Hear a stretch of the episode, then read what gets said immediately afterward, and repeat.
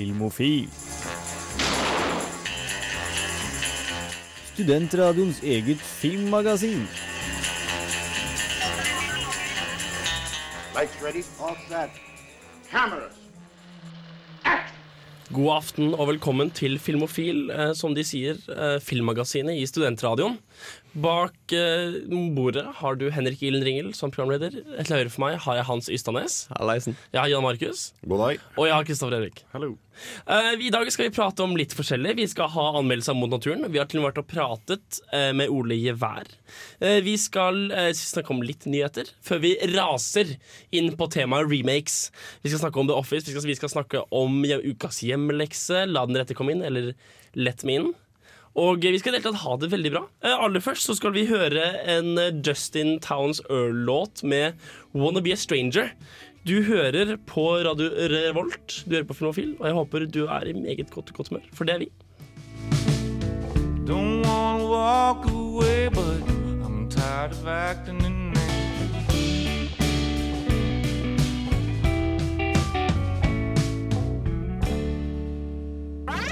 Filmofil gir deg nyhender fra filmen og fjernsynets i spanende vær. Det er på tide med nyheter. Hans, take it away. Yes. Det er altså nemlig sånn at det kommer en ny Jason Bourne-film. Oh, Det er gøy. Og ikke nok med det, men nå er vi, nå er vi kvitt han der dusten eh, Jeremy Renner. Og nå er Matt Damon tilbake som hovedrollekarakter. Ja, men seriøst, var vi fornøyd med Jamie Reiner i altså, Hawkeye, eller hva var det het i Avengers? Ja, det er han. Var vi fornøyd med det i den siste mm, eh, Jason Bourne-filmen? Jeg syns ikke det var greiene. Altså. Altså, han var ikke dårlig, Nei, nei, men nei, han, nei. han var ingen, ingen Matt Damon. Men Matt Damon er jo Jason Bourne. Ja, ja, ja, Sånn er det bare, liksom. Begge ligner litt på sånne Lego-karakterer. ja, definitivt. Med sånn firkantet hode. Ja. Ja, nei, Vi har også nytt fra komedieverden. Zoolander 2 er annonsert, og bekreftet til eh, skurkerollen så kommer Will Ferrell tilbake. Som eh, kronidiot og moteekspert Mugabe. Oi, Så for alle som gleder seg til det, så er det Jeg tror det kan bli bra. det må bare bli kjempebra. Ja. Nå er jeg ikke jeg noen veldig stor Zoolander-fan, men What? Nei, jeg vet ikke. Jeg, jeg vet ikke, jeg er ikke så stor Ben Stiller-fan, egentlig. Jeg vet ikke, Selv Mystery Man var det som ikke falt meg helt. For det hadde vi det som hjemmelekse i år. Jeg, jeg vet ikke. Ben Stiller. Eh, James Franco han er jo en fiffig og travel kar. Han har skrevet bok. Han er skuespiller i 127 Hours, blant annet. Blant annet. Uh, men nå skal han komme med et sketsjeshow i uh, denne sendingas ånd. Det er en remake-sketsjeshow som heter Making a Scene, der han skal liksom remake eh, små klipp fra kjente filmer som Grease og The Shining og en og andre. Wow, TV-basert, eller? Mm, det er veldig TV-basert. Det er AOL, giganten, USA-giganten, som, Som ikke sponser er hele greia. ennå. Så kult. Og når, når er det her for? Hvilken periode? Hæ? Når kommer det her? Uh, I nærmeste framtid. I nærmeste framtid. Plutselig. I TV-apparatene nærmest du deg. vet du det! Kommer James Franco. Ja, altså apropos, eh, apropos remix, da. Eller apropos, apropos. Eh, det Veldig løs, apropos. Veldig løs apropos. Mal-apropos, nesten. Um, det kommer en uh, spin-off av uh, The Conjuring uh, nå snart. Som Oh. heter Annabelle, som da handler om denne dukken vi ser på begynnelsen av The Conjuring. Mm.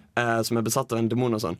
Og jeg husker The Conjuring som en av de skumleste filmene jeg har sett i mitt liv. Og nå er det riktignok ikke samme regissøren som skal lage Annabelle, men det er det er en del av de samme som jobbet bak kamera som skal lage denne filmen, og traileren ser òg esseskummel ut. Gjør det? Ja visst. Ja, altså, du, har du troa hans? Jeg har troen som bare fan. Vakkert. Vi skal ta og kjøre på med en låt før vi kjører på med flere nyheter. Vi kjører kort sagt på. Jeg skal prøve å ikke si det så mange ganger. Du skal få Golden Coast med Dream and an MPC.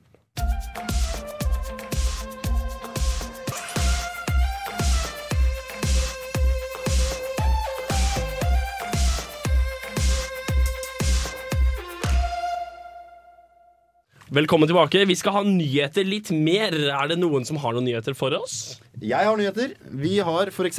den eh, neste Star Trek-filmen som nå har begynt å spilles inn.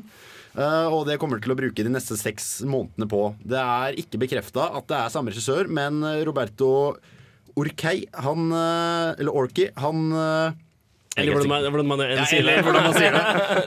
Robert Ork. Ja, i hvert fall. Ja. De regner med at samme fyren eh, kommer til å regissere det. Så det blir nok mer av det samme vi har sett før. Er dere positive? Ja, Tja Ja Altså Hvis jo. ikke JJ Abrams skal være med, så vet jeg ikke om jeg er så positiv. Nei, jeg tenker også det at det er noe med den livskraften bak det. Ja, nei, det kan, det kan være, men det har jo vært Det er jo en bra serie. Det er jo Ja. en, en god sånn popkornkveld med gutta. Definitivt. Mm. Definitivt. Vi kan jo ha forhåpninger og være naive og lykkelige og være generelt storfilmelskere. Og så kan vi liksom ta det vi, vi kan bli skuffet når det kommer. Ja. Jeg tror vi sier det. Jeg så apropos Guardians her i forrige uke. Det tok meg ikke, ikke lang tid overhodet å få sett den. Å? Nei, jeg vet ikke. Jeg tror, jeg tror liksom jeg hadde altfor høye forhåpninger. Ja, Altså. men jeg tror kanskje du er den eneste i universet som ble skuffet over den filmen. så far. Ja, min mor var heller ikke spesielt underholdt. you think I'm kidding? Nei, men uh, i hvert fall, nyhet. Ja, uh, Apropos uh, Star, ikke trekk, men Wars. eh, så kommer en syver nå. Det har vel alle fått med seg. Ja. Det er ikke nyhet. Det som derimot er nyhet, er at Anthony Daniels, som spilte C3PO i de opprinnelige filmene, han skal være med på, de, på den nye filmen. Uh, Men han var faktisk i drakten. Han var faktisk i drakten, og det er litt av poenget. Fordi at når han skulle skrive under på kontrakten for å være med, uh, så hadde han to betingelser. da Uh, og den første av dem var at det ikke skulle være noe CGI inne i bildet. Han skulle stå i drakten. Det skulle være han som vakler rundt der. Ja, ja, ja. Det, det var et viktig poeng for han. Og at drakten skulle redesignet litt med tanke på komfort og ikke design. For han var visst helt jævlig å stå i den der eh, eh, kobberdrakten han brukte i filmen. Men det handler jo litt om å blø for, holdt på å si, eh, for Ja, sant. kunsten sin. Og det ble jo fryktelig bra filmer ut av det. Så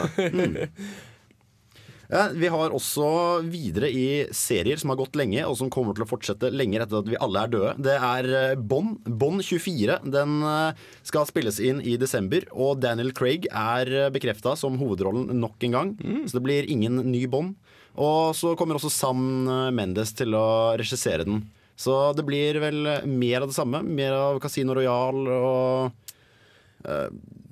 Den type veldig seriøse Ian Fleming-type bøker inspirerte filmer. Ja, mulig. Fordi jeg, altså, jeg leste jo disse bøkene her Jeg leste fem-seks av dem nå i sommer på en liten ferie. Uh, de er jo veldig seriøse. Og de er jo langt nærmere disse nye, nye altså denne nye rebootingen av, eh, av Dan, altså Daniel Craig James Bond-serien. Er jo mye nærmere bøkene enn disse litt sånn halvuseriøse tingene som har gått i for, forkant. Men altså samtidig, Skyfall eh, gikk jo litt tilbake til den spøkefulle, tøysete, gamle måten å være, være James Bond på. da eh, Hvor han var mye kjappere i replikken og litt sånn Litt mer jovial enn Daniel Craig eh, sin James Bond hadde vært i de to forrige filmene. Ja, men det er sant, men så var de også veldig mørke. Det var liksom Nolan Ja, meets, eh, meets James Bond. Ja, I motsetning til de tidlige filmene hvor det er liksom uh, Miss Moneypenny og alle de der uh, oddjob, han med hatten og sånn, og så kommer James Bond og bare 'Come with me, darling', og så spenner han på seg hjelm og flyr og går i en jetpack. Du, du hadde ikke klart å selge noe sånt i dag, tror jeg. Det morsomme er at akkurat det er jo ganske direkte fra bøkene. Ja, ikke sant? Men altså, det er, det er vel noe av den generelle liksom, si, Det blir helt feil med tids, tidsepoken, men det er litt sånn 80-tallsentusiasmen mangler helt i bøkene. Og som du også sier, da, den derre hei, stjerner og fyrverkeri, det er ikke noe særlig av. En annen ting som jeg la veldig merke til, er at bøkene har bare ett crescendo som oftest. Bøkene er ganske korte. Så bøkene bygger seg opp, bygger seg opp, bygger seg opp. Crescendo, så er boka ferdig. Mens i filmene så er det liksom tre actionscener, fire actionscener, og ting skjer, og du har liksom bølgedaler og sånn mellom. Men hvis du sier at filmene, nei, bøkene er fryktelig mye mer seriøse enn mange av filmene har vært eh, har, de, har de eksempel disse love interestsene som er i James Bond-filmene, har de like teite navn som Ja, de har i filmene? ja, og ikke bare det, de er nøyaktig like endimensjonale Ja, også. nettopp. så damene er like mye holdt på å si, bjørnefeller som de er i, i, i filmene. Men det er vel mer at det er mer interne dialoger som går hos James Bond, og ins- interne betraktninger, og, og den veldig åpenbare rasismen hjelper jo heller ikke Mm. noe særlig, eh, noe særlig på. Eh, Vi skal ta og høre FKA Twigs med Videogirl.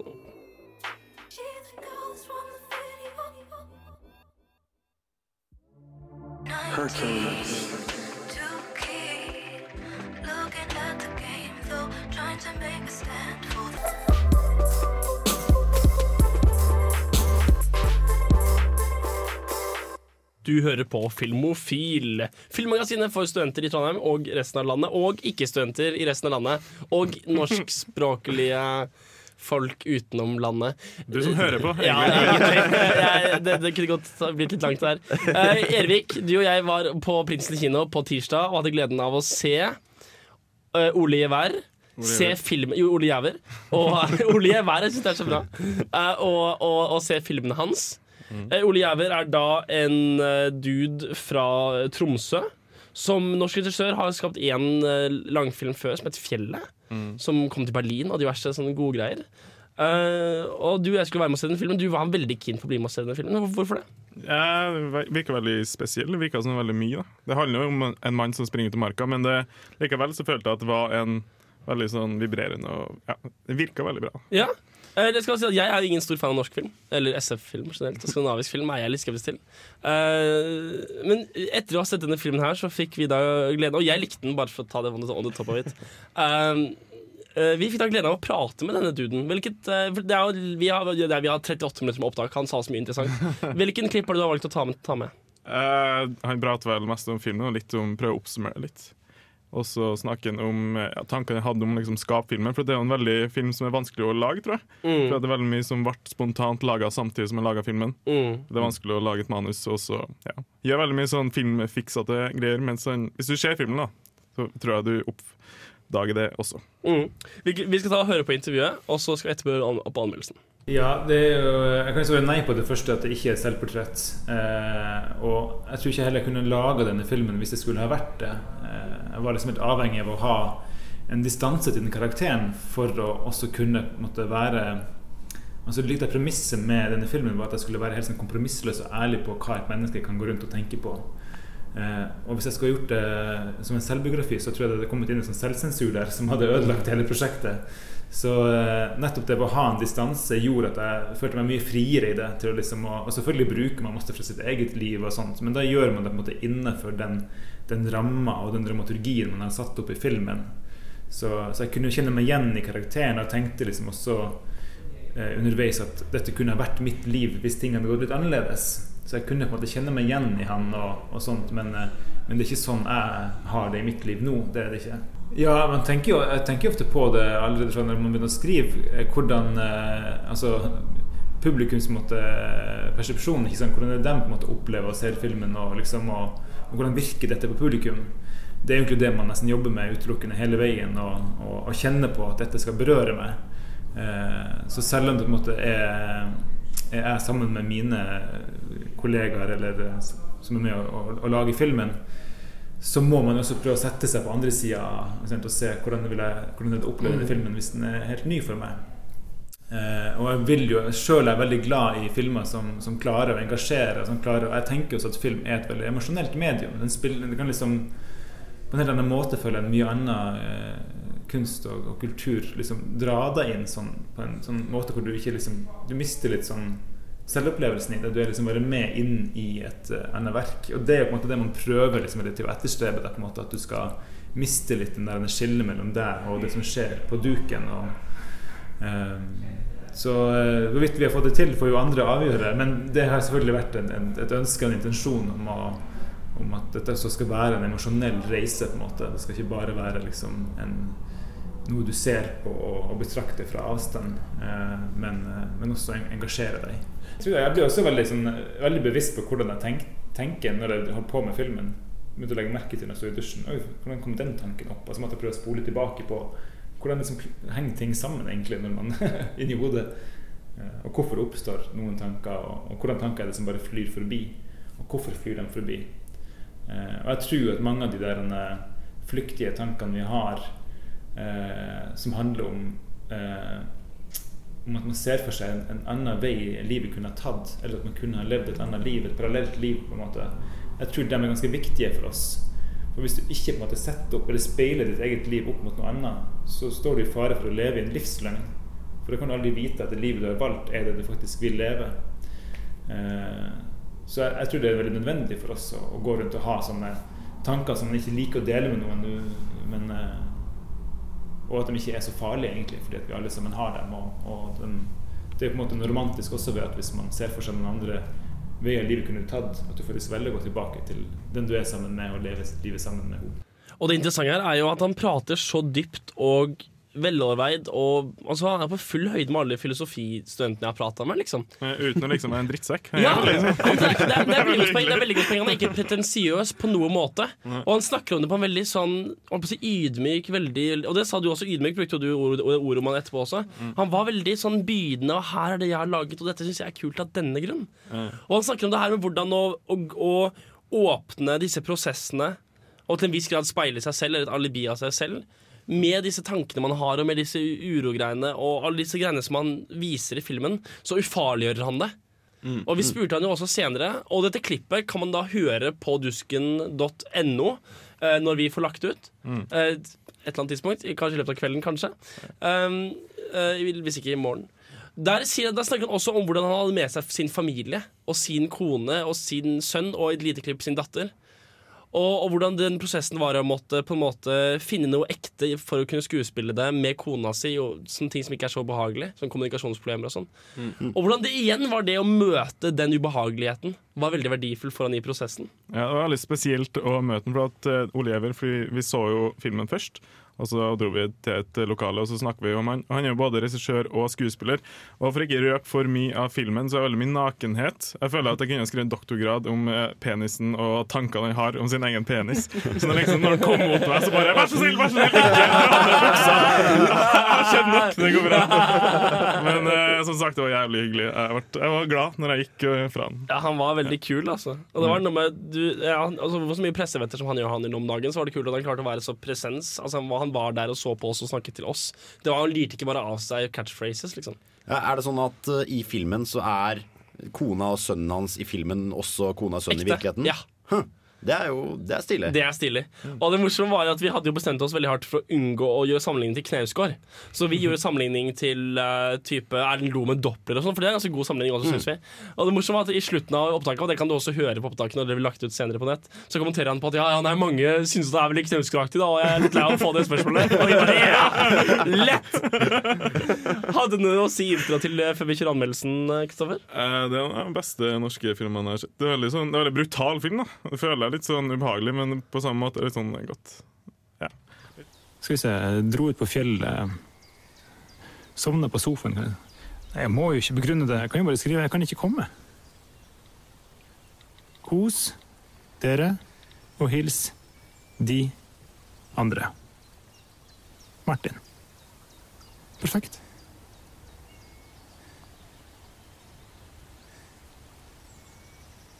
Jo, jeg må begrunne det. Martin en familiefar som trenger å bære for seg sjøl. Løsningen blir at han drar ut i naturen. Vekk fra kone og barn setter han kursen mot en turisthytte på fjellet. Alene i naturen blir Martin fort overlatt til sine egne tanker. Vekk fra arbeidskollegaer, familie, kassedamer og mennesker på gata begynner Martin å tenke på alt og ingenting, med absolutt ingen former for restriksjon. Hadde ikke jeg en tanke i sted som jeg likte å tenke på? Jo, jeg skulle skille meg. Å, det hadde vært deilig å bare være helt alene og gå ut og Hvorfor gjør man ikke det, egentlig? Det er jo så lett. Det er sikkert litt byråkrati og papirer som skrives under på. Vi må jo finne en måte å løse det med Karsten på, men hvis Sigrid dør, så ordner jo egentlig alt det der seg sjøl. Da får man masse sympati også. Det dør folk i trafikken hele tida, så det er jo fort gjort å bare ikke bli lam. Det er jo det verste som kan skje. Det er, det er jo støkk for resten av livet. Ole Giæver, regissør og skuespiller av hovedpersonen Martin, har laga en film om en mann som går ut i marka. Det virker enkelt, men måten Giæver og teamet hans har sydd sammen scenene, skrevet manus, måten lyd og farger blir brukt, gjør Mot naturen ikke bare til den beste norske filmen du kan se i år, men i hele forbanna livet ditt. Kanskje det er bedre om jeg blir lam. Da er det på en måte jeg som sitter med makta. Uansett hvordan jeg oppfører meg eller hva jeg gjør, for noe, så vil folk ha forståelse. og Jeg skjønner på en måte at det kan ikke være så lett. Kanskje det er en befrielse å sitte i rullestol. Slipper man å tenke så mye på hvordan kroppen ser ut. og den man endelig begynne å spise alt man har lyst på. Napoleonskake. Kan bli skikkelig feit. Kan bli like feit som hun der mora til en Gilbert Grape. Når jeg starter sånn freakshow og livnærer familien på den måten. Ofrer meg for dem. Kanskje jeg blir del av et sånt omreisende sirkus. Så kan vi fære med tog rundt omkring i verden, og jeg kan få helt sånn vogn for meg sjøl. Jeg må sitte sidelengs fordi det er så feit, og så kan vi ta bort hele den ene veggen. Og så bare sitte der og drikke øl og spise kake og ser ut på naturen som glir forbi og blir feitere og feitere og feitere. Nei, det må jo være noe annet som Hvorfor vil jeg ikke gjøre det med familien, for eksempel? burde egentlig ha drømt om å bygge hytte med Sigrid. og Kanskje ikke passer til å ha familie. At alle de tankene der er bare en sånn illusjon om noe. Mot naturen er en dramafilm først og fremst, men den kan på samme tid bli sett på som en komedie.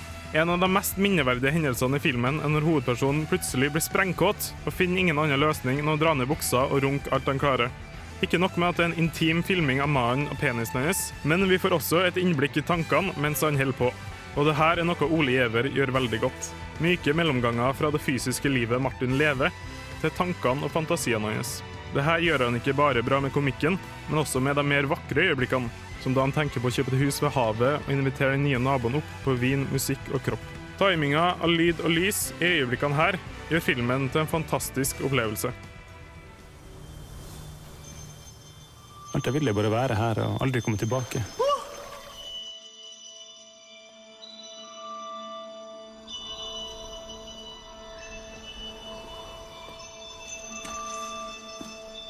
Jeg vil at livet skal bli noe annet, og nå har jeg muligheten.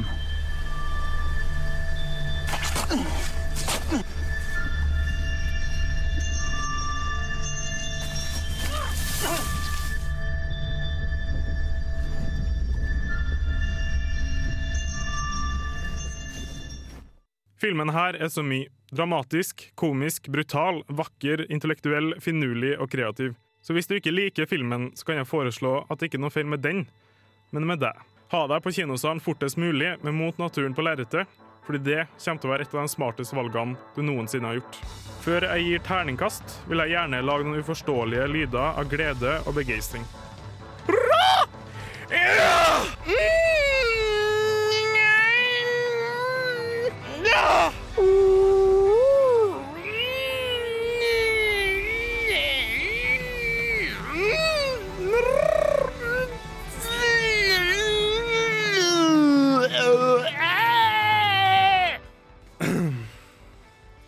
Terningkast seks. Å, så dritbra. Ja, men Det likte jeg. det likte Jeg Jeg snakker om liksom energi. Igjen, du klarer å lage en anmeldelse som er ubehagelig personlig.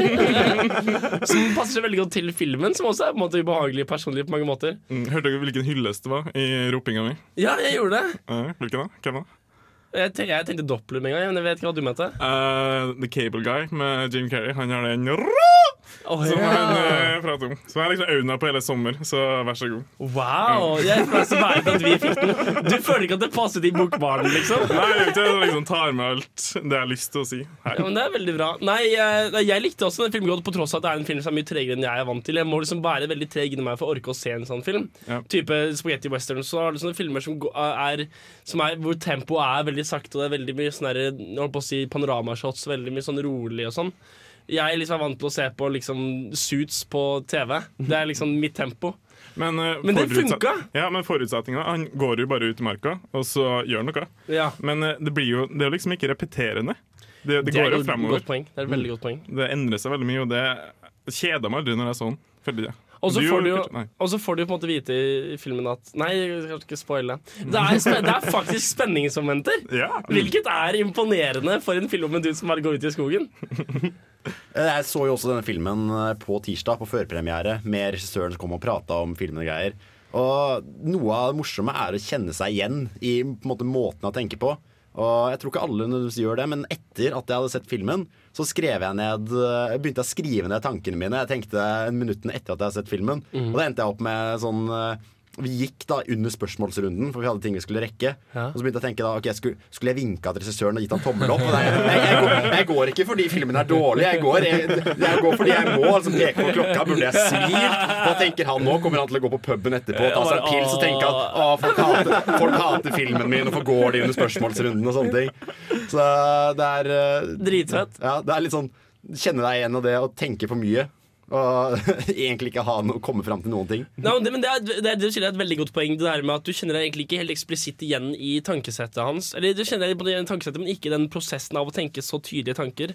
Og det nevner han jo også i det intervjuet, hvor han sier at det, er- det er jo ikke det er jo ikke nødvendigvis slik at folk går rundt og tenker hele setninger. sånn der. er. Folk tenker jo i bilder og i konsepter og hukommelse og følelser. Folk tenker jo i sin sammensetning. Jeg var disse her.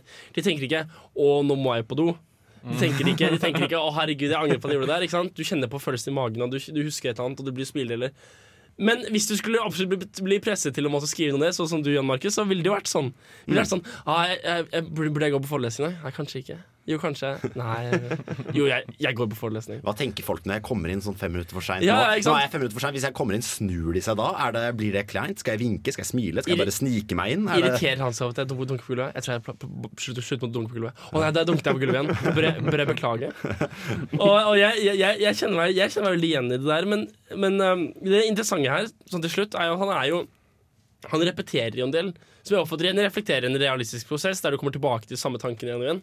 Så han, er, han repeterer seg en del i tankene uten at det blir repetitivt. Og Jeg vet ikke hvordan han klarer det, om det er den nydelige bruken av musikk og det pauser. En ting som jeg likte veldig godt i filmen, er hvordan han bruker åpne rom. Ikke bare i, i landskapet og i hvordan det er klippet, som er veldig mye himmel, men det er også veldig mye rom i Det, er, det kan være områder med musikk, og det er områder med stillhet. Det kan kanskje også være noe om det at han, han kommer tilbake til eh, det samme temaet flere ganger, men han går en ny retning hver gang. Ja. Han tenker liksom at nå skal jeg skille meg, og så plutselig så ender han opp i rullestol på tog og er kjempefeit. Ja, og så en annen gang skal han skille seg, og så hva med barna? ikke sant? Ja. Så Du får mange forskjellige eh, synsvinkler utover da, fra det, det samme variert, temaet. liksom. Ja, nei, jeg, jeg, jeg synes også det er veldig bra film. Eh, Jeg skal nesten Jeg skal prate bitte litt mindre stygt om norsk film. Eller i hvert fall nyere eh, norsk film. Utenom 'Jakten på Berlusconi', da. Eh, det har jeg ikke sett ennå, så jeg har kanskje ikke tenkt å se den heller. Altså. Dere får Odesa med 'Say My Name'.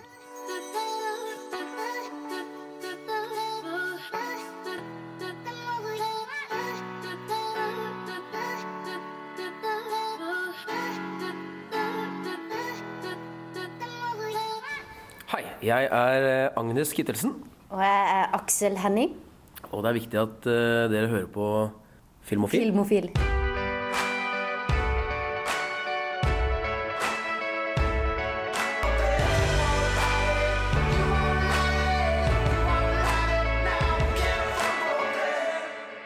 Velkommen tilbake til Filmofil. Vi har nå gått gjennom det vanlige og det rolige, og vi skal nå dure rett inn i dagens tema, nemlig remakes.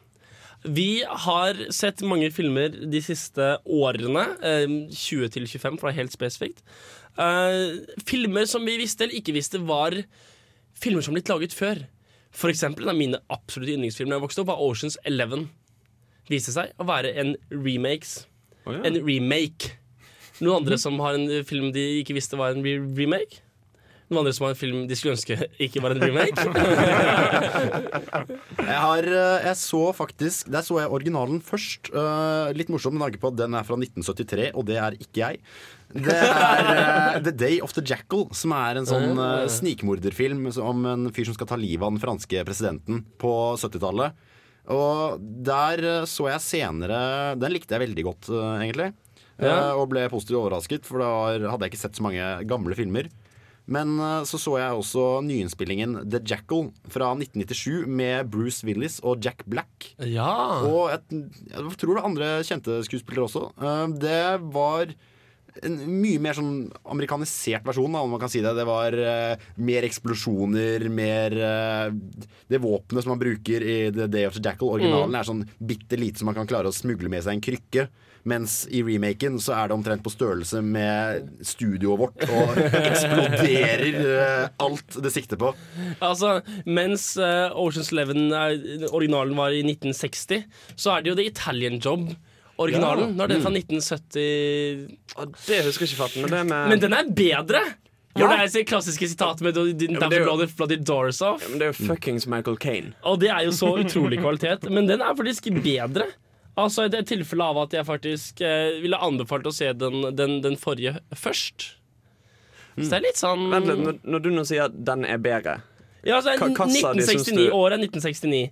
Og jeg, jeg syns den er bare bedre bygd opp, og den er mindre gimmickete. Ja, altså og- originalen er bedre. Originalen er Ja, Okay. ja. Å ja, du var, du Jeg var litt i tvil om hva du mente der. Nei, nervøs det et lite øyeblikk. Begynte å se en blodåre som begynte å pulsere i panna hans her. Uh, Hitchcock har laga en film som heter Psycho, som er veldig kjent. Han har jo fått priser kasta etter seg, og heder og ære.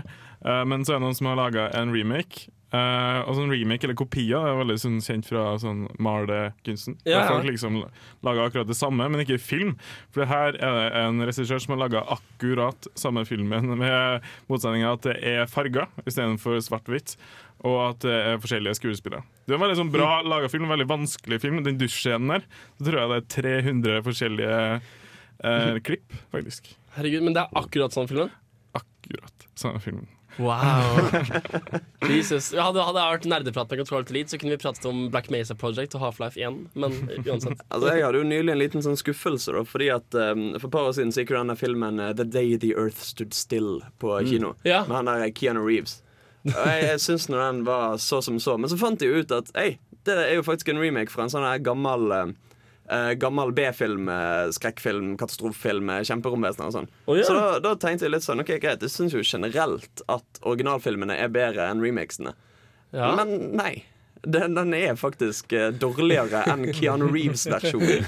Den originale. And ladies and gentlemen, that's saying something. Nei, jeg, jeg vet ikke helt. Skal vi ta og kjøre til låt, og så snakker vi litt om, om, om litt mer? Ja, la oss Ja. gjøre det. Rory med Superfly.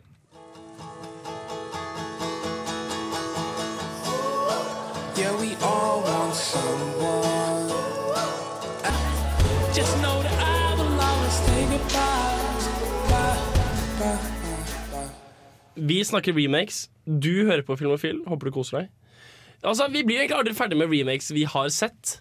Eh, Det er vel kanskje én hans som du Ja, altså, jeg er jo veldig fan av den norske filmen 'Insomnia' uh, fra 1997.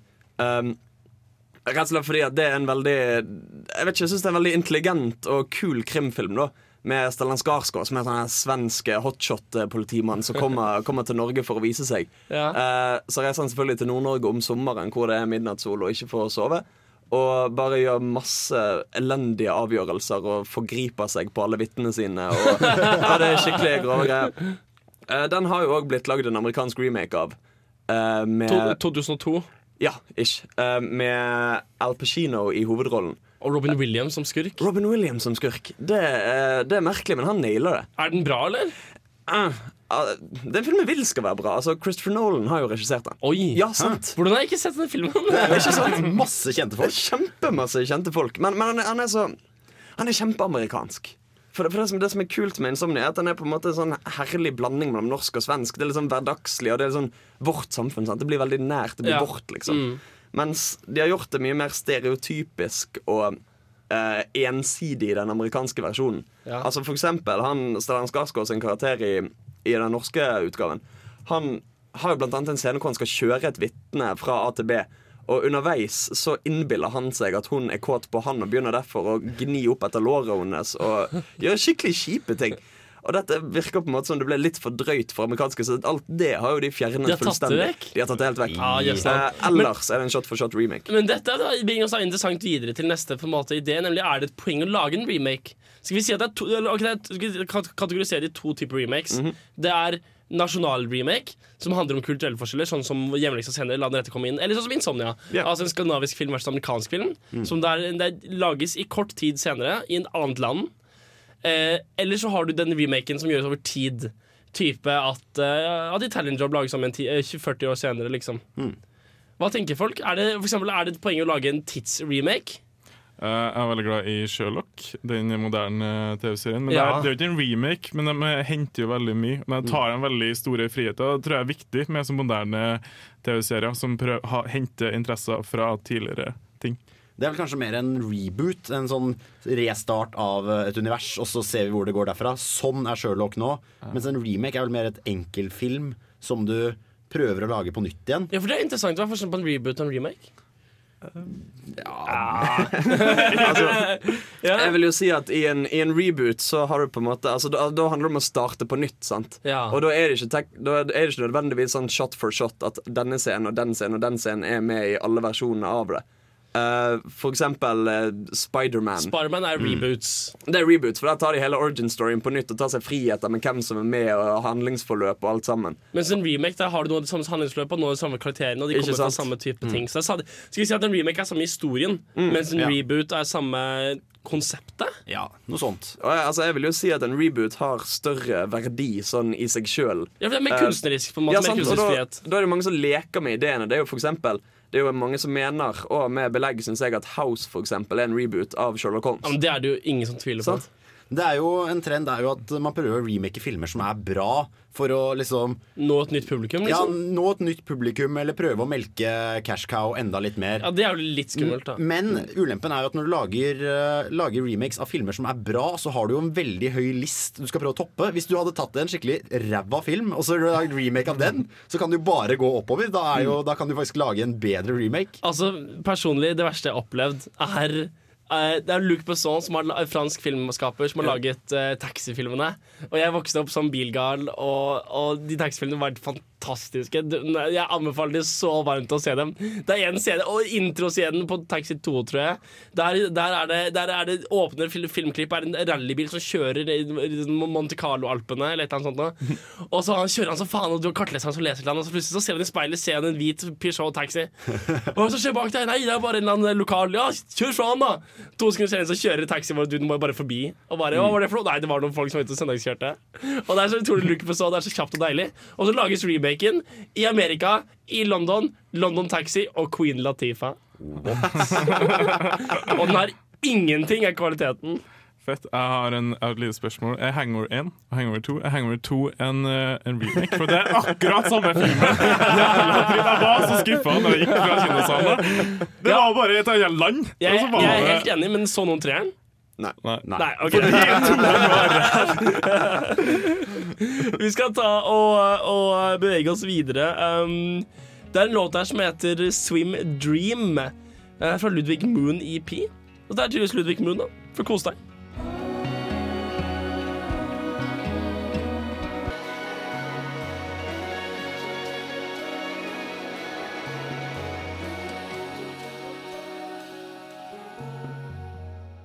Play one, Sam. Det er jo alltid å ha musikk når den er påtent. Helst noe indisk eller pakistansk. Ukas filmlåt. Og i dagens redundante filmofilintro ukas filmlåt. Hans? Yes, Uh, Vi skal høre 'Immigrant Song'. Vi skal ikke høre originalversjonen. Uh, men i tråd med denne sendingen skal vi høre en remake, eller en cover, som det heter på fagspråket, eh, av 'The Immigrant Song'. Og den, den, den, den, og den sangen brukes i en remake-film også. I en remake-film. Dette Ja. er veldig tematisk. Ja. Um, det er en film fra, fra den amerikanske versjonen av Menn som hater kvinner. Eh, altså The Girl with a Dragon Tattoo, er det hva den heter Mm. der? Jeg. Stemmer det? Ja, stemmer det. det stemmer. Jeg har ikke sett filmen. Um, det er sant. Nei, jeg tuller. Jeg, den- tuller, jeg jeg, tuller. jeg, jeg har så sykt ikke rett til å, til å lage den lyden. vi, vi, vi, burde hatt, vi burde hatt en jingle av et publikum som bare Ja, sant. Det er sant, folk der ute. Nå mister vi lyttere, det merker jeg med en gang. Ja. Um, det som er interessant med den coveren, er at den er gjort av eh, Trent Reznor, uh, som vi alle kjenner fra Nine Inch Nails. Ja. Uh, dette er industrielt, og dette er hardt, og det er veldig Jeg tror det er veldig mange som er veldig glad i Led Zeppelin, som ikke kommer til å like denne låten. Eh, men jeg syns han har en sjarm, altså. Ja. For, for det, er, ja, det er litt sånn altså, de, har åpenbart, de har åpenbart gjort noe med han for at han skal stå litt i stil med hun der Rooney Mara, eller hva hun heter, hun som spiller Lisbeth Salander i, Ja. I filmen. Hun er litt sånn punk og litt Veldig sånn punk og veldig mørk. Ja, sant, og han og piercinger og- Nine Inch Nails-duden er jo ikke Du, han er heller. jo så deprimert og trist, stakkar. uh, Altså, det, det sier noe at, det, det sier noe at, at han der Johnny Cash covret ham. uh. Det som nå er at Immigrant Song ble brukt i originalversjonen i originalfilmen. Men uh, så heldige kan vi ikke være, dessverre. Nei, Vi får hoppe inn og mikse. Ja, Sure. Da har vi et prosjekt til neste uke. I Mm. alle fall, Nå får dere Immigrant Song-coveret av eh, Trent Reznor. Blir det riktig? Ja. Ja.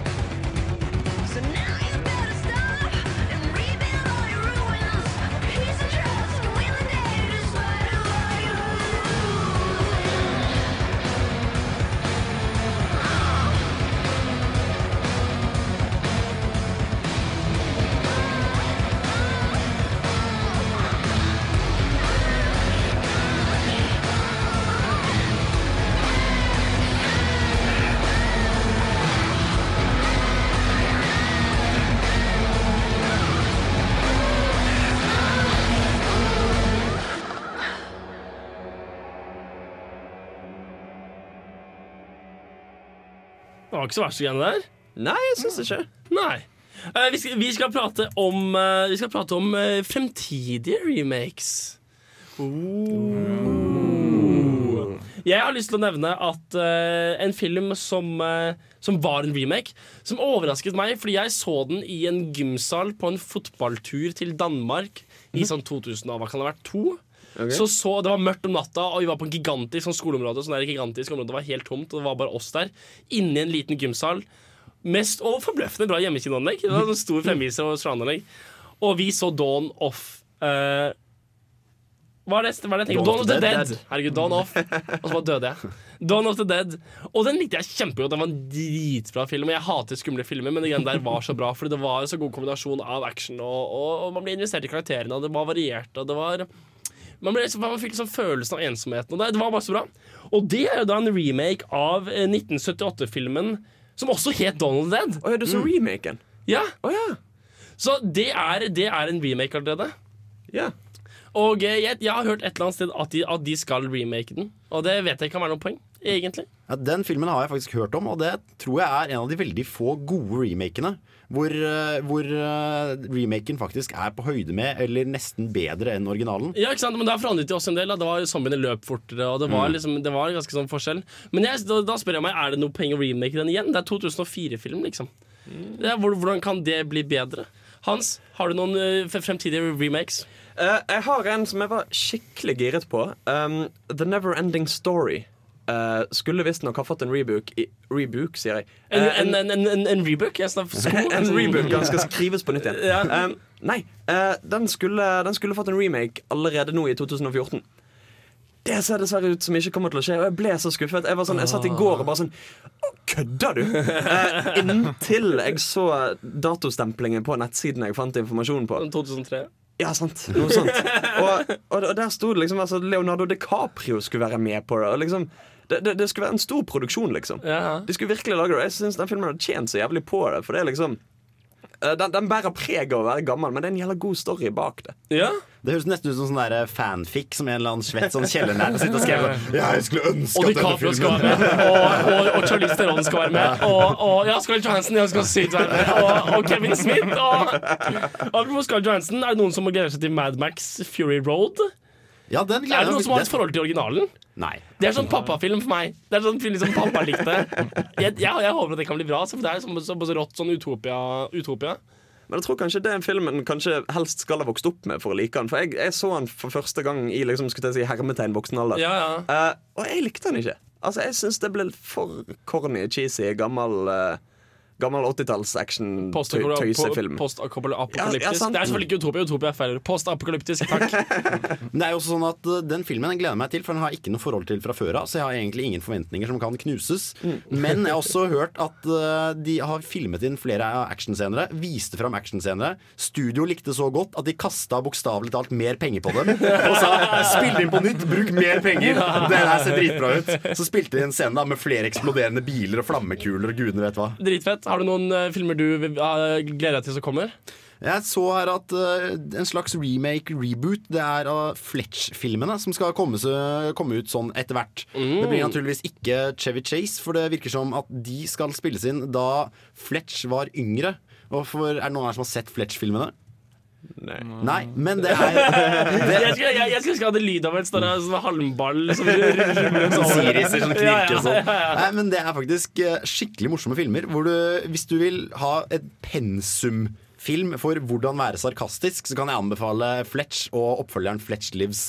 Det er, eh, det er morsomme filmer altså, som jeg snubla over helt tilfeldig en gang. Altså, bare falt pladask for. For den generasjonen som har lyst til å bli over- overbevist om at Chevy Chase er ikke bare en drittirriterende dude på, i, i, i TV-serier. What? Community er jo dritbra. Jeg, jeg, Var det- Nei, jeg, jeg, jeg syns han var så irriterende i den Han er TV-serien. jo dødskull i Ja. Community. Han kukk bak scenen. Eh, bak kamera. Jeg syns han var irriterende i OK, jeg likte han politiduden. OK, greit. Never mind. Never mind. Ønske-TV-serier som blir remaket, da. Uh, TV-serier? Nei, hva er det jeg sier? Filmer. Um, jo, jeg kunne Altså Det er ikke en veldig gammel film, nå, men jeg hadde likt å se en remake av uh, The Fifth Element.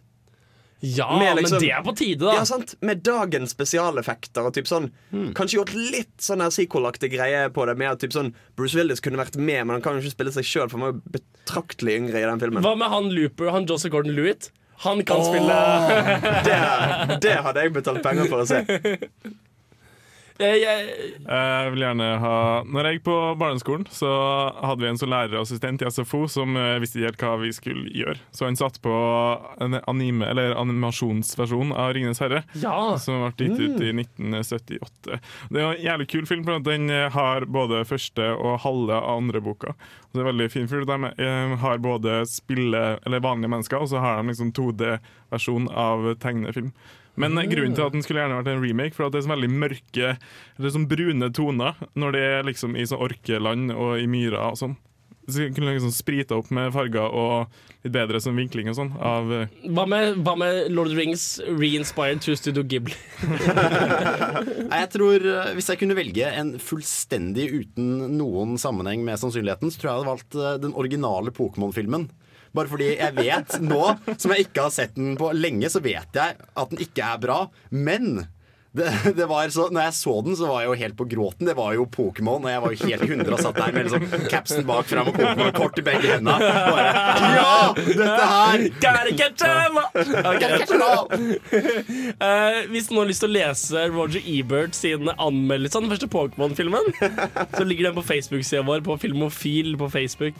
Nå skal dere få His Golden Messenger med Mahogny of, of Dread. Eller Mahogny Dread. Hører på Filmofil.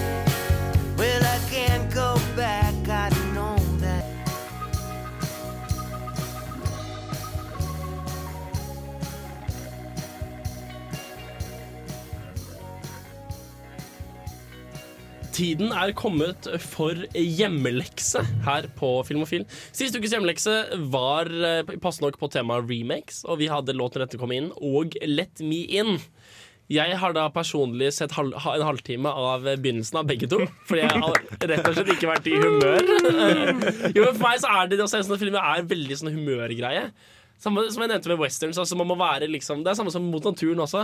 Jeg må liksom være i et humør jeg har lyst. til. jeg, jeg kan ikke ha liksom åtte timer forelesninger og så presse inn to timer med den type film før jeg må gjøre noen lekser. liksom Nei, Det er sånn fyllesyk på en søndag-filmer. Ja, akkurat når du er, når du har hodet fullt av dotter og bare åh. Det regner ute, og du får ikke gjort noe i dag Ja, uansett. ja. Sånn film er det. Jeg høyner eh, to halvtimer av La den rette komme inn med en time med en dokumentar om Jackson Pollock, ab abstrakte kunstner, som jeg så i går. Ta den! Men du har laget en liten P-prod her, Jan Jan Markus. Det har jeg. Jeg har sett eh, begge filmene i sin helhet. Wow! Og prøvd å sette de opp mot hverandre og finne ut litt eh, hva gjør de forskjellig, hva gjør de bedre, hvem er best, selvfølgelig. Og det var, det var veldig gøy egentlig å sammenligne dem og prøve å analysere i dybden hva er det remaken gjør annerledes fra Mm. originalen, og hvorfor. Hva er det de har, gjør bra, begge to. Så det er bare å kjøre på, skal vi høre meg prate om det. Som ukas hjemmelekse så vi på de to filmene Låt den retta komme inn fra 2008 og den amerikanske remaken Let me in fra 2010. Vi kan starte med å svare på spørsmålet alle sikkert lurer på. Hvilken er best? Svaret originalen. Ingen overraskelse der, kanskje. Men hvorfor er den bedre? Du må bjuda inn meg.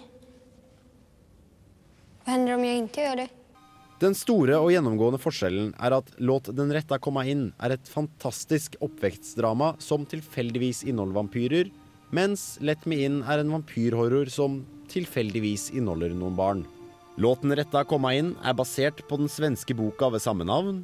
Boka og dens originaladopsjon er like svenske som Emil fra Lønneberget, Ikea og kjøttbuller. Mer enn noe annet er det et sosialdrama, med alle de små nyansene, detaljene og følelsene det innebærer. Hadde vi tatt vampyren ut av originalen og erstattet det med et vanlig menneske, hadde vi ikke bare hatt en OK film, men en pokkers så bra en også om det å vokse opp i Sverige på 80-tallet.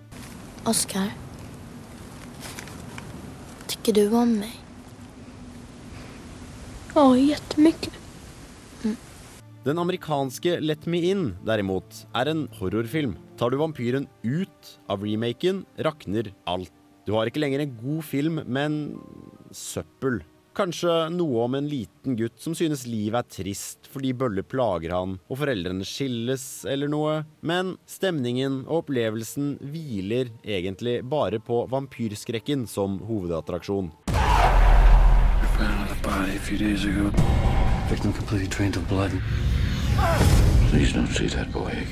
I originalen ser vi kanskje noe av det beste barneskuespillet som er fanget på film. Vi møter Oscar, en blond, tolvårig gutt som er både elskverdig og uskyldig på utsiden, men som bærer på noe mørkt og skremmende. Man sitter med inntrykket at dette er oppveksthistorien til en seriemorder in the making. Vi møter også Eli, en skremmende og eldgammel vampyr som dreper folk for blodet deres, men som på mange måter er mer uskyldig og godhjertet enn Oscar. De utfyller hverandre perfekt, både på det nivået tolvåringer tenker og kommuniserer, men også på et dypere plan vi ikke kan se, men bare føle.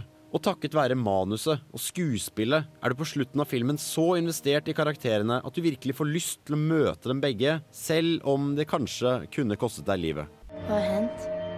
Hun Några klasskompisar. Du skal slå tilbake. Hårt.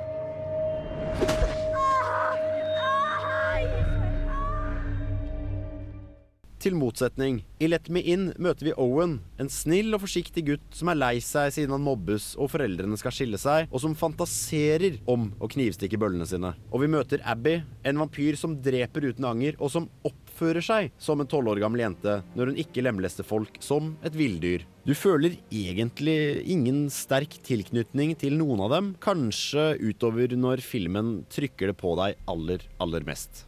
What happened there? Some kids from school? I'll help you. But you're a girl. I'm a lot stronger than you think I am. I låten Retta komma inn må vi selv trekke slutningene. Alle puslespillbitene er der, og det er opp til seeren å legge sammen det fulle bildet, og kanskje ikke bildet engang blir likt for alle. I Let Me In får du ikke et puslespill, men et fotografi og en voksen som holder deg i hånda mens han peker på ting i bildet og forklarer deg hva de egentlig er. Dette er skummelt, nå er han trist. Bøllene er slemme fordi de selv blir mobbet. Du er ikke lenger en tilskuer som observerer to mennesker bli kjent med hverandre i en stockholmsforstad, men en turist på spøkelseshuset Vampyrland som skal bli skremt på de rette stedene. He pissed on my dad. What was that? What was going on?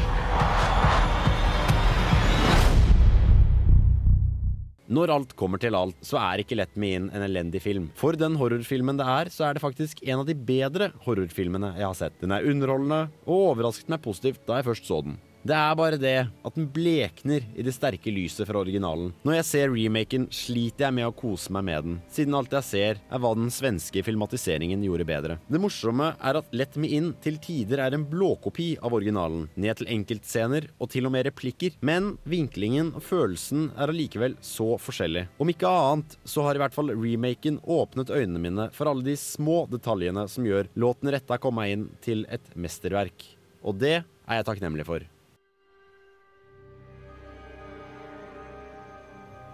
Nå kan jo jeg da uttale meg med tyngde basert på den første halvtimen som jeg så.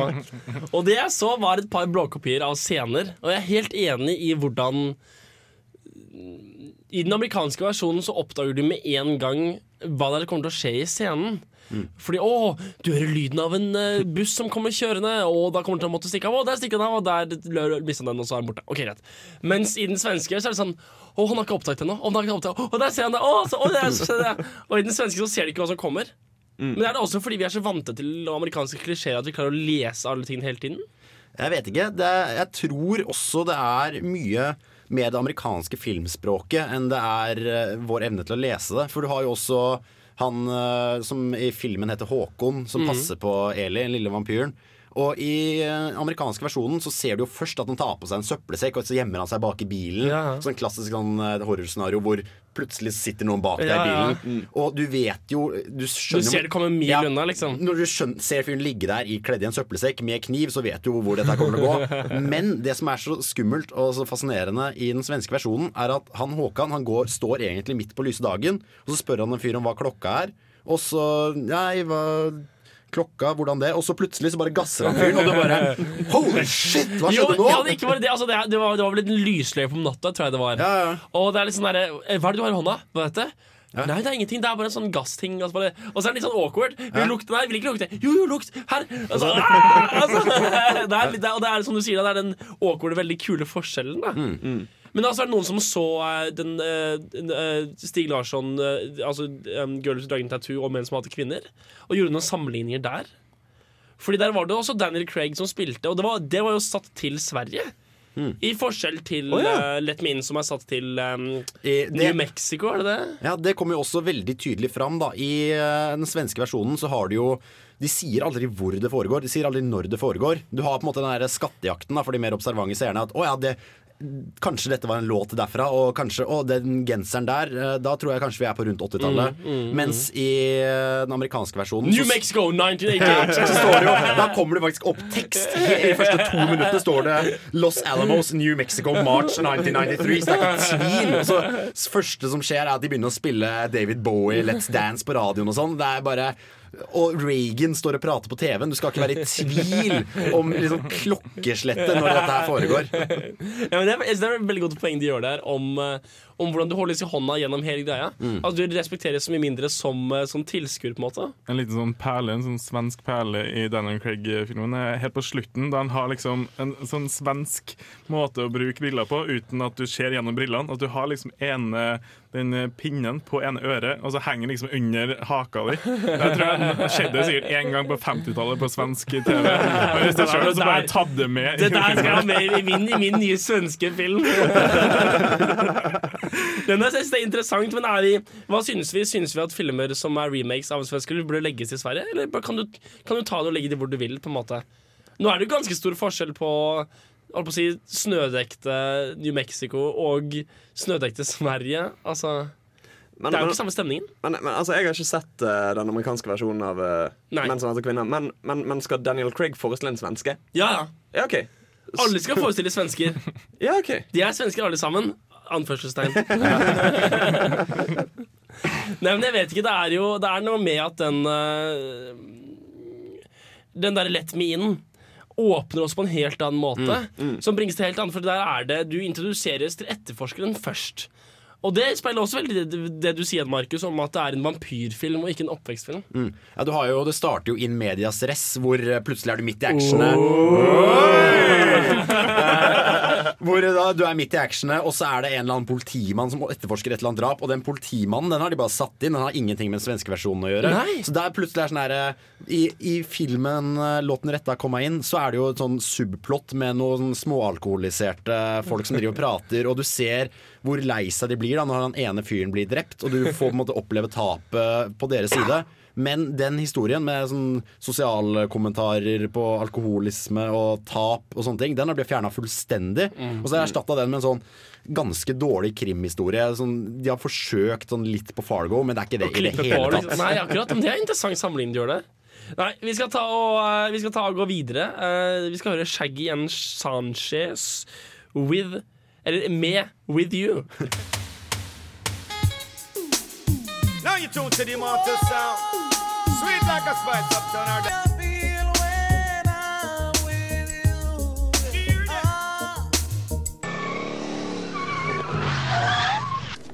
My calculations are correct. When this baby hits 88 miles per hour, you're gonna see some serious shit. Du hører på Filmofil på Radio Revolt. What did I tell you? 88 miles per hour!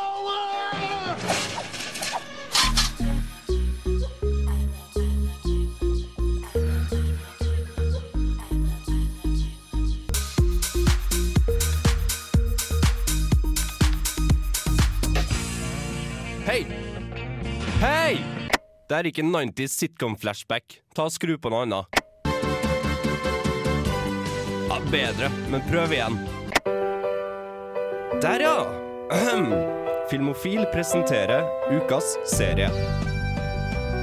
Det er på tide med ukas serie, og for de som ikke fikk med seg hva det der var, så var det The Office! Office!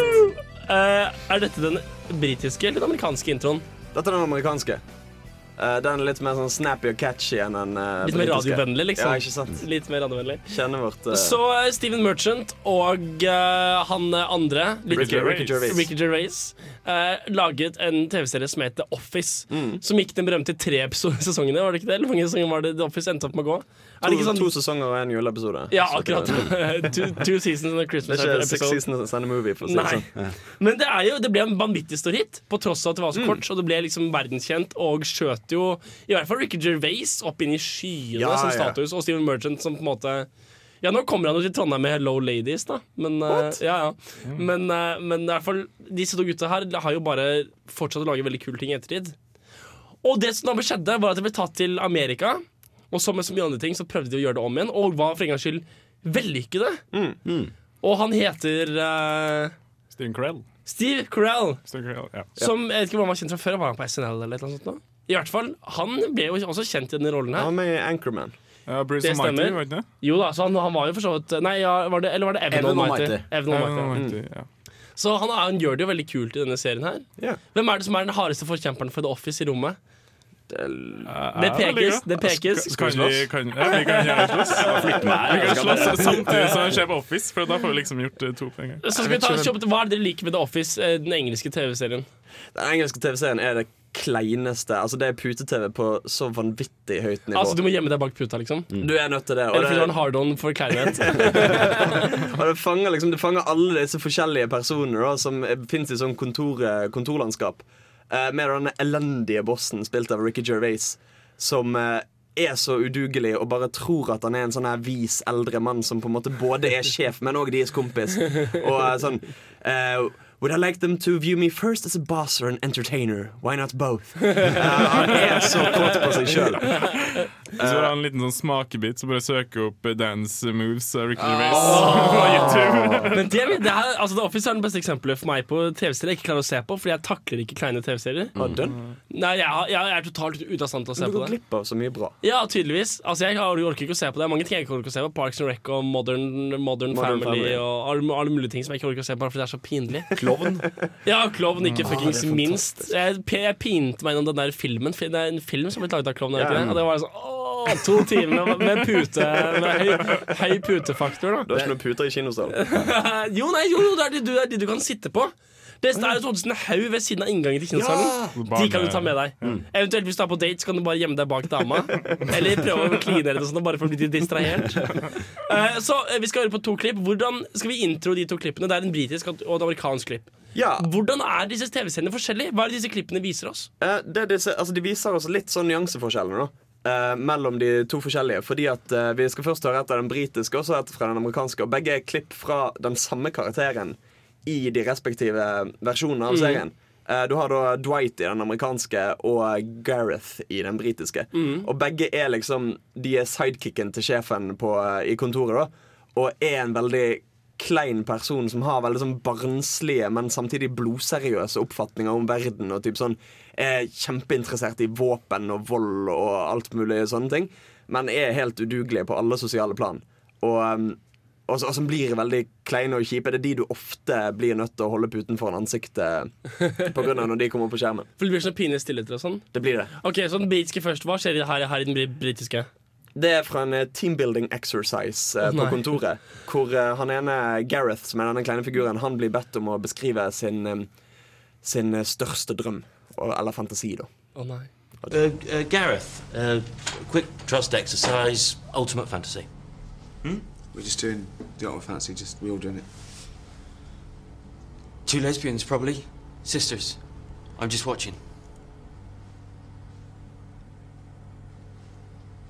Okay, um, Tim, do you have one?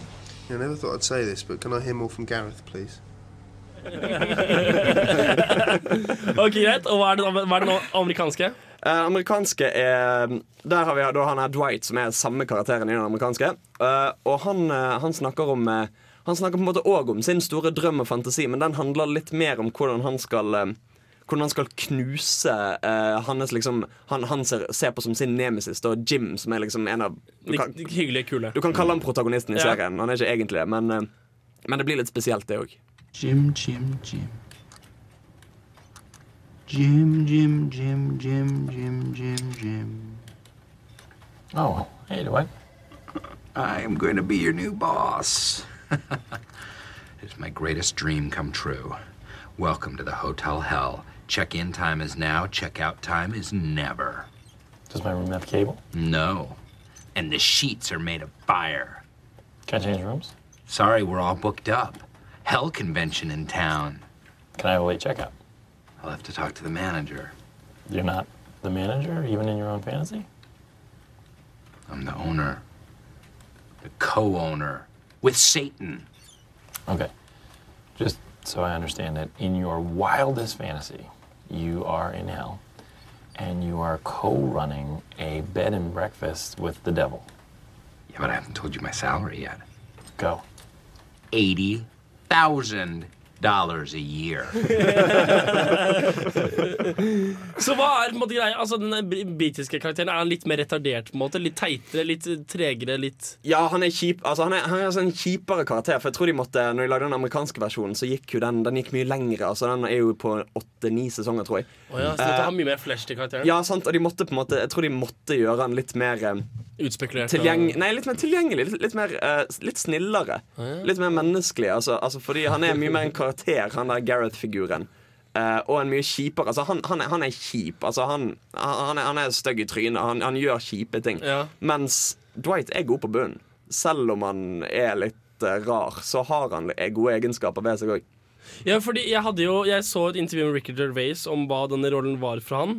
Og han snakker om at det han liker så veldig så godt med sin hovedkarakter, eh, er at han på en måte vil egentlig bare bli likt. Mm. Han er bare så positiv, og han, han vil egentlig bare bli likt. Ja, ja. Og det, her, det er det Ricky Gervais likte med serien. At det var liksom bare denne, denne egentlig veldig hyggelige studens evige kamp bare for å bli likt.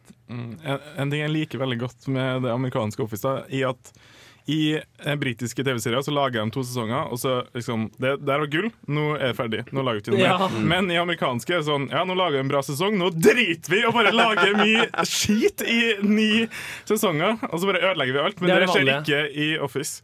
Og det liksom utvikler seg. Det tar Jeg har ikke sett den siste sesongen, men ellers er det veldig, veldig mye godt. Det er jævlig kreativt. Men har ikke Steve Carell flatt Office? Jo, de har jo Jo. sånn ny eh, manager. Sånn Ja. eh, guest eh. Men, men altså, altså, serien er jo avsluttet nå, da. Men, men på et tidspunkt så slutter han som sjef eh, på kontoret hvor det foregår. Mm. Og så tar en av, eller flere av de andre tar det over litt sånn etter hverandre. Og det så- funker? Ja, altså det funker, det funker storymessig og seriemessig. Det funker ikke så bra for de som blir sjef. Nei, det, er ikke det er ikke det jeg har sett komme. Men altså, det funker underholdningsmessig sett? Ja, ja, absolutt. Ja. Ja. nei, jeg er helt enig. Jeg syns den serien holder seg veldig fint uh, utover sesongene. Har du sett noe på det her, du gjør, ja, Jan Markus? Nei, lite. Det er mest sånn eh, etter videregående droppe ned i sofaen og vente på middag. Friends, bare for den yngre, innen Ja, yngre det. generasjonen. Åh, ikke sammenlign dette med dritet Friends. Unnskyld? Hva sa du? Jeg liker ikke Friends. Liker ikke Friends? Nei. Jeg skal så sykt få lov til å disse Office! Mor og far, ikke krangle!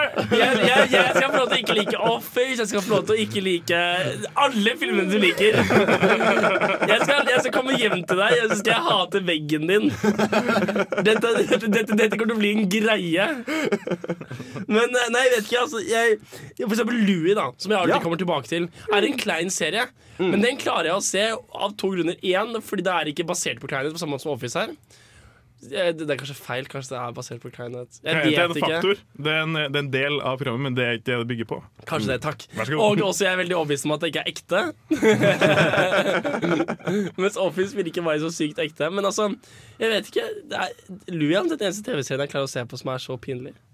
Det er en del av, eller en episode, en juleepisode i det amerikanske Office der Dwight lager kostymer av alle, alle kollegaene i det lokalet. Jeg, jeg tror aldri jeg har flirt så hardt av TV-serien noen gang. Jeg lå på bakken og hadde vondt for at det var så bra.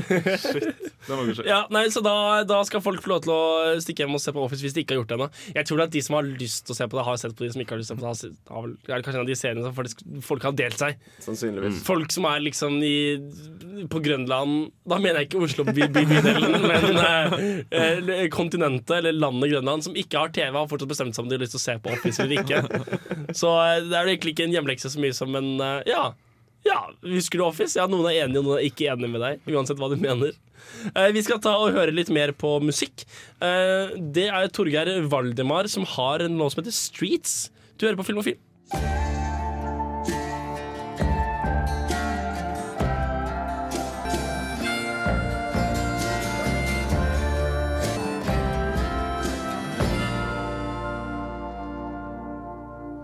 Velkommen tilbake til Filmofil. Eh, Hans Ystanes eh, er nå uten mikrofon, så eh, det kom tydelig det, det kom, Det er ikke cool. Nei, ikke ta min! det kom, det kom tydelig frem i løpet av samtalen Eller beklager krangelen i pausen At ikke bare likte ikke Hans noe av Chuck Lorre Eller noe av bokslatter amerikansk humor Som bygger opp mot, uh, mot punchlines Og det er et godt poeng. Eh, Men det kom også frem at han ikke likte uh, Black Books. Og det er uh, vi, er vi er liberale. Vi er åpne for det meste. Men vi må sette en grense! Ikke la meg ondskap! Du er, sånn, du er sånn fyr som stjeler julaften, du. Ja, vet du hva? Vet du hva? Jeg skal så sykt ikke fortelle deg om noe morsomt noen gang igjen. Jeg skal fortelle om sånne, sånne der mørke mørke filmer, sånn som det der Dallas Buyers Club. Den kan, den kan jeg diskutere med deg. Nei, vet du hva? Eh, Til neste uke så skal kanskje muligens Hans få tilbake mikrofonen sin. Eh, neste uke skal vi ha fransk film. Det er to eller tre eh, filmpremierer som vi har pressetilgang på, som vi skal ta og få sett og anmeldt. Eh, Hjemmeleksen er delikatessen. Hvem er, det som, hvem er det som hadde lyst til å gi delikatessen her? Uh, jeg har sett den. Ja, Hvorfor skal vi ha det som hjemmelekse? Uh, fordi det er en jævlig fransk film. Det er en finurlig. Det er jo samme skuespiller som er i Amelie. Han eh, med bokshode. Enda en Matt Damon-versjon. Men det er en veldig spesiell, veldig rar. Og så er den ekstremt morsom og dramatisk og skummel. Ja, vil jeg si. Og det skal da eh, sies helt tydelig her at eh, det, er ikke bare for oss eh, filmofiliacs. Det, er, det stemmer ikke. Filmofilister. Det liker jeg. Audiovisuelle? Nei, det er ikke så verst. Eh, Filmofilistene er ikke bare for oss, det er for lytteren også. Og ideen er liksom at dere skal kunne eh, høre anmeldelsene våre og ha en følelse på det sjøl. Kanskje muligens eh, ringe inn med sinte beskjeder eller, eller sende hatmail til Hans Ystadnes. uh, så ja, neste ukes tema er fransk film, og hjemmeleksen er delikatessen. Dere skal få lov til å høre en låt nå av eh, Ozzy. Som heter Gangsta. Bare fordi vi er så sykt gangsta her vi står i uh, en T-skjorte, en cardigan, en, eh, en, en se- eh, se her, se her. over- Hva står det her? More money, more Bitches. Oi! Oh, shit! Du, du, du, du? Hettegenser og den T-skjorta. Du er liksom You're a gangsta, liksom. Okay, eh, Det er Ossi med gangsta. Du hører på Filmofil på Radio Revolt.